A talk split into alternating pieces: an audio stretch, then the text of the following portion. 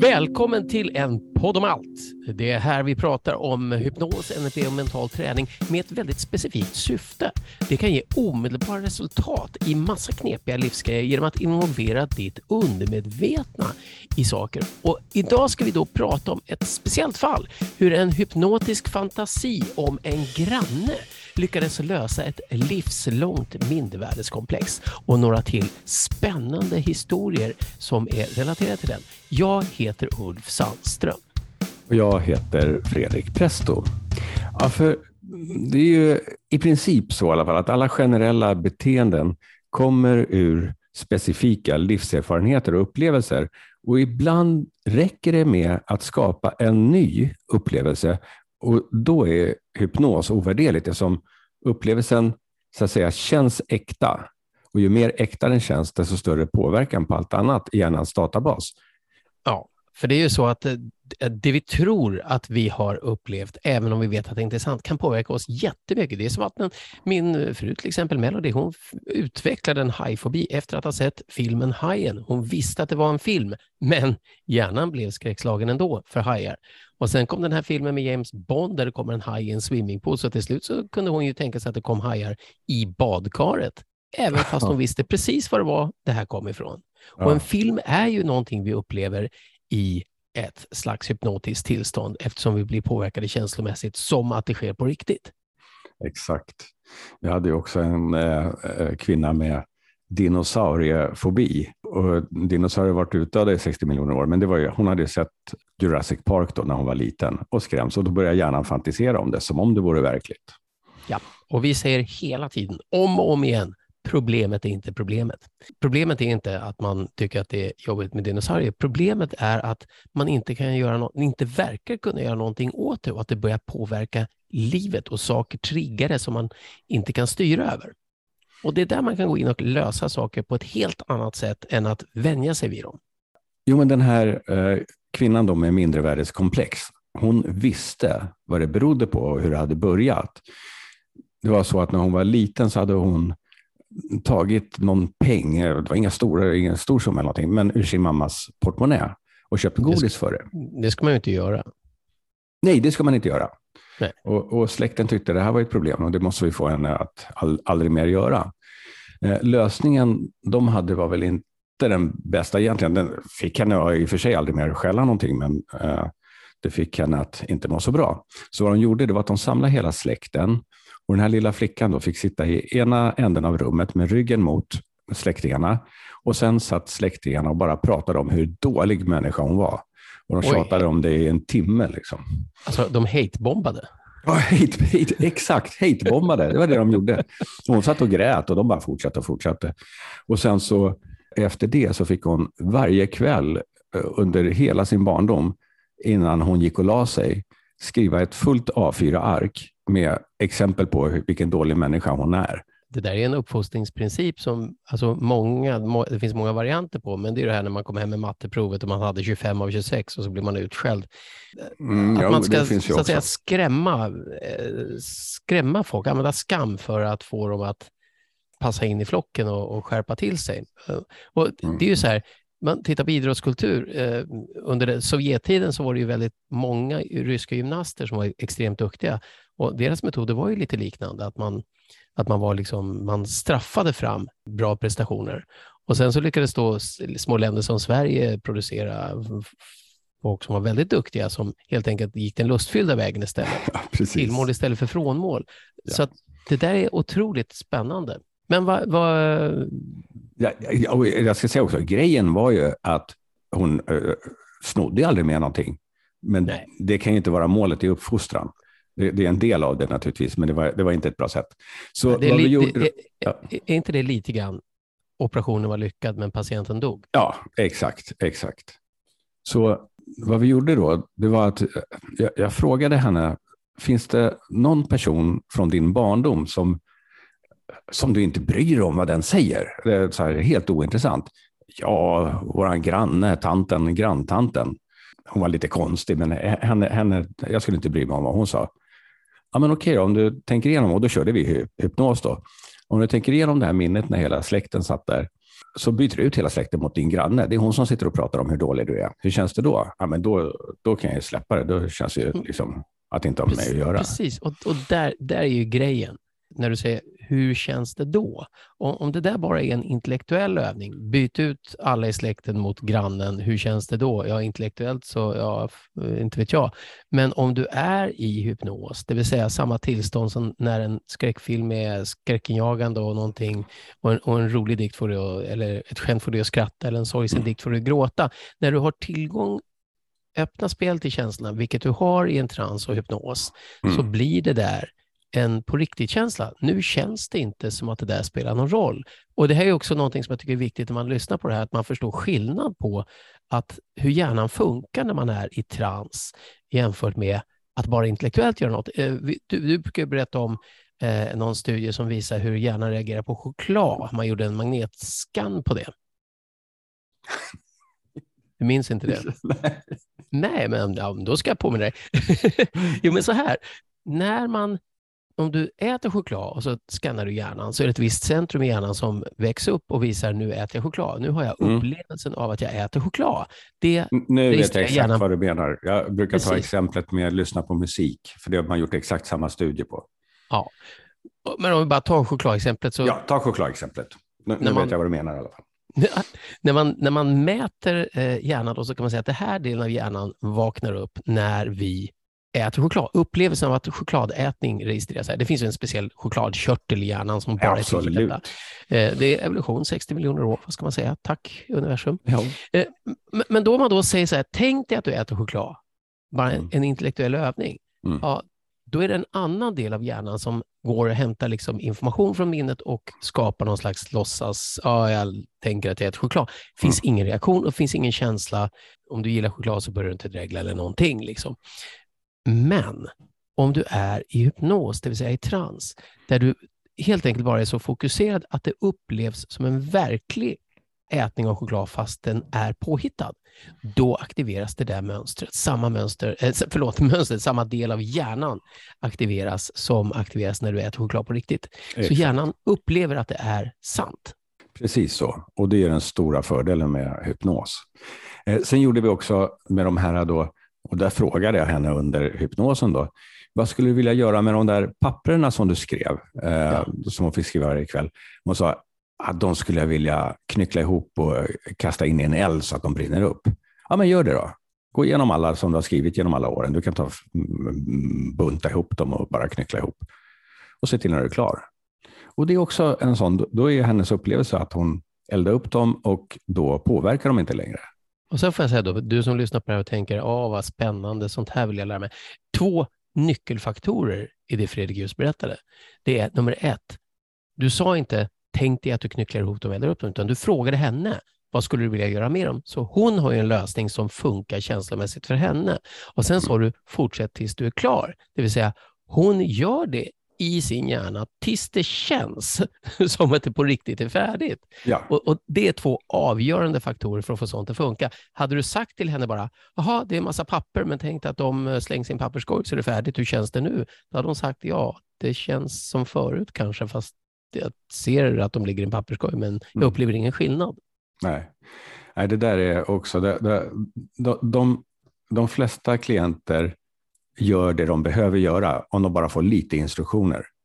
Och sen ja. också, eh, och det här eh, känner ju både du och jag igen, när man gör en sån här session och det har gått eh, så som man vill, den förändring man kan se rent liksom, kroppsmässigt ansiktsuttryck, det kan vara allt från lättnad till glädje eller vad det nu är. Men man liksom ser att någonting har verkligen, verkligen förändrats hos klienten. Det är fascinerande faktiskt.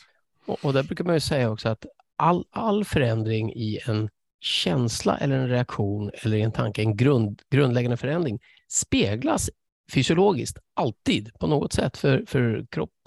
Kropp och sinne sitter ihop. Så det är garanterat att det finns ett tecken i fysiologin på något sätt. Andningen ändrar sig, kroppshållningen ändrar sig. Det, det, kan, det kan bli en suck, det kan bli en gäspning, det kan bli att man skiftar en kroppsposition det finns alltid en telltale sign, alltså ett eh, tecken som talar om att en förändring har skett i fysiologin. Ja, exakt. Alla våra tankar får utslag på något sätt i vår kropp.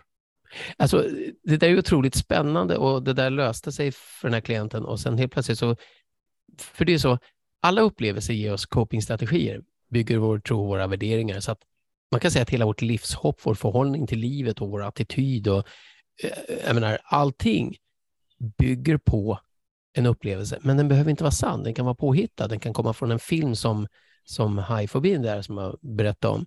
Men om vi får en upplevelse där känslan är övertygande, den är stark nog, så övertygar vi också nervsystemet och det undermedvetna om att det där, det, vi kan förhålla oss på ett annat sätt till det. Vi kan tänka på det där och inte få den reaktionen. Exakt.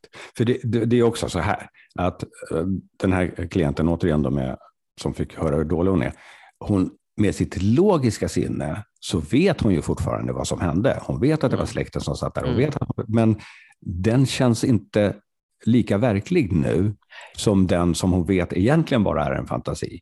Så det spelar ingen roll om du vet att det är en fantasi, om du ändå kan uppleva den som verkligare, så spelar det ingen roll vad som egentligen var verkligheten. Nej, och det är ju lite det som också som vi har berättat om i andra avsnitt om eh, Ben Furman i Finland som har skrivit boken Det är aldrig för sent att ha en perfekt barndom. Man kan i hypnos eh, eller guidad meditation eller vad du nu vill kalla det, så, så kan du skapa en känslomässig stark koppling till ett, en alternativ barndom mm. som ger dig nya möjligheter att tro på dig själv. Alltså nästan alla klienter jag haft med ätstörning, eller jag vågar påstå alla, kommer ihåg en specifik kommentar eller händelse där den här ätstörningen triggades igång, där de blev medvetna om mat eller kropp eller vad det var. Mm. Eh, och när jag, sen jag såg det mönstret har jag alltid börjat med en enkel approach som ofta gör en jättestor skillnad på dem. Mm. Jag förstår det. Sen är det ju faktiskt så här att minnen är inte så pålitliga som vi tror. Eh, man har gjort en studie, där man, man har gjort flera studier, där man faktiskt kan plantera falska minnen som sen personen efter ett tag kommer ihåg som om de var verkliga. Ja, var det inte en viss, en viss här seriemördare som fick genom, genomlida detta i svensk rättshistoria? Ja, precis. Exakt. Kvick. Eh, man gjorde en genomgång av åtta olika studier av falska minnen, bland annat, så visade det sig att 50 procent av försökspersonerna upplever minnen som har planterats med flit som verkliga. Alltså som robusta och fullskaliga, mm. liksom, mm. även om de är ofullständiga. Ja. Eh, och, och, det är väldigt, väldigt mycket. Alltså det var en, bland annat eh, forskning och framsteg kan man läsa om detta. Det fanns i tidskriften Memory så fanns det en metastudie om detta, en, en rolig artikel som omfattade över 400 deltagare. Och det som var mest effektivt för att plantera minnen var att koppla en påhittad händelse till en verklig information, det vill säga namnet på en lärare eller släkting och sen uppmuntra dem att föreställa sig det falska skeendet. Och det är exakt det du gjorde med denna kvinna, fast i positiv mening. Du mm. kopplade den verkliga händelsen till en verklig granne eh, som fanns, så att det inte bara hade någon annan person utan en riktig person. Och så uppmuntrade du henne i hypnos att föreställa sig att det var så det var istället. Mm. I, I, hennes fall så vill jag ju inte att hon skulle tro att det var så det var, men Nej. upplevelsen är att, så det var, att det var så det var. Precis, och precis som hajfobin, man vet att det var från en film, men nervsystemet tänker ändå att det är på riktigt. Ja. På ett plan. Eh, det är otroligt intressant. Eh, en, framförallt första gången som jag verkligen tänkte shit, alltså, eh, när det gäller ätstörning, det var en ung tjej som hade fått höra någonting i skolan av någon eh, gympalärare, eh, alltså skolsyster gympalärare kan det tyvärr ofta vara, eller har varit, i varje fall i de fall som jag har varit med om. Och då har hon fått höra lite att ja, men du kanske borde tänka lite på vad du käkar. Och det där är så känsligt i en ålder där kroppen går upp och ner i vikt ändå. Den har ju liksom inte hittat sin slutform. Så det är mm. galet att kommentera på, på tonåringar eller tidiga tonåringar om fysiken på det sättet. Men hon är alltså nere i tvättstugan, mamma står med ryggen till och håller på att lasta in tvätt i maskinen och hon vill dela det här. Så hon säger, hon säger så här, liksom, efter ett tag så säger hon, mamma, idag fick jag höra på jumpan att jag borde tänka lite på vad jag käkar och kanske inte stoppa i mig hur många bullar som helst, eller hur de nu hade uttryckt sig. Mm. Och, och så sa hon, och där, när mamma inte ändrade någonting, hon pausade inte ens upp, hon bara fortsatte som ingenting hade hänt, då förstod jag att det här det här var någonting alla visste och kände till, men ingen hade berättat för mig. Mm. Så, så, att det bara växte världens... Ja, jag blir eh, så lite ledsen när jag pratar ja, eller hur, Eller hur? Jag känner ja, så. Och, och, och, men, men det där var en grej och, och det där löste sig faktiskt på samma sätt som med Eh, kvinnan med mindervärdeskomplex där eh, och grannen. Att hon fick helt enkelt gå tillbaka till det minnet, kliva ur sig själv och komma dit som besökare och se alltihopa från andra hållet. Och där hon fick se mamman framifrån eh, och se sig själv sitta bakom. Och så kunde hon bara se och förstå, så här, rent intuitivt, att mamman hörde inte vad hon sa för att när hon var på andra sidan tvättmaskinen så lät den för högt. Och då fattade hon att det var en missuppfattning. Mm. Mamman hade absolut inte hört det och, och det bara var så här, shit, det, det, det, här är ju inte sant. Och sen vare sig det var sant eller inte har ingen betydelse, för möjligheten dök upp. Och där kollapsade en enorm mängd av alla andra tankar som hade byggts efter det. Mm. Det som var fascinerande här var ju att det faktiskt kunde ha varit så också. Precis, och där brukar jag säga, i boken som vi har skrivit då, på engelska för ögonblicket, den här Unpack Your Existence, där har vi gått från specifika klienter som de här och så har vi tittat på alla de här generaliseringarna som vi gör inom olika områden av livet och kommit fram till 34 olika områden som vi förhåller oss till saker på, eh, eller som våra klienter har gjort. Och så har vi gjort supergeneraliserade hypnosupplevelser som ett litet äventyr där man kan gå in och lösa upp principerna för det här som sen går ner till det som är specifikt i varje person. Så Det är det jag tycker är spännande med den resan. Men det är lika spännande att höra om de enstaka fallen som ledde fram till var och en av de här 34 hypnotiska utforskningarna. Så man kan säga att alla dina känslor är reaktioner på ett stimuli, en tanke och alla dina känslor vill lösa något och bygger på upplevelser. Ja, det är ju en GPS som säger ta höger vid nästa korsning kan man säga. Och upplevelser som våra tankar, känslor och reaktioner som vill lösa saker, de behöver inte vara sanna. Och Vi kan till och med veta om att de inte är sanna, men ändå påverkas av dem. Mm. Och både tankar, värderingar och känslor är omedelbara och subjektiva och kan ändras på en millisekund om det kommer ny information. Och om den informationen då är känslostark, vilket den kan vara i en film eller en pjäs eller när någon berättar något, eller med hjälp av hypnos, så kan vi skräddarsy en ny lösning som löser upp gamla copingstrategier som inte riktigt funkar. Så om du har en egen historia eller erfarenhet kring det här, dela, hör av dig. Och om du tänker så att men shit, jag vill veta lite mer om, om hypnos, då kan du bara googla lite. Vi håller ju båda på med det här och Fredrik har utmärkta kurser och vi har en kurs som heter blixthypnos som är väldigt spännande. Men framför allt om du, om du tycker att engelska är kul att läsa på, så då kan jag verkligen rekommendera Unpack Your Existence, för där har du 34 hypnotiska, korta, roliga äventyr som du både kan läsa för egen del eller läsa för andra. Exakt, det är många som gör och märker att det ger en jättestor upplevelse. Du kan också gå med en gång i månaden och uppleva live workshop via unpackyourexistence.com. Mm, exakt. Om du tycker det här var kul och intressant, då får du jättegärna, om du vill göra oss lyckliga, gilla avsnittet, för det gör att du åker upp i rankingen. Dela det här med någon i sociala medier eller bara mejla till någon som du tror kan ha glädje, för då får du någon att diskutera det med och kanske någon som hör av sig till oss och då har vi en dialog och då kan ju allt bli hur bra som helst. Men framför allt, dela, gilla, prenumerera, för det gör att det här växer precis på ett bra sätt. Ja. Música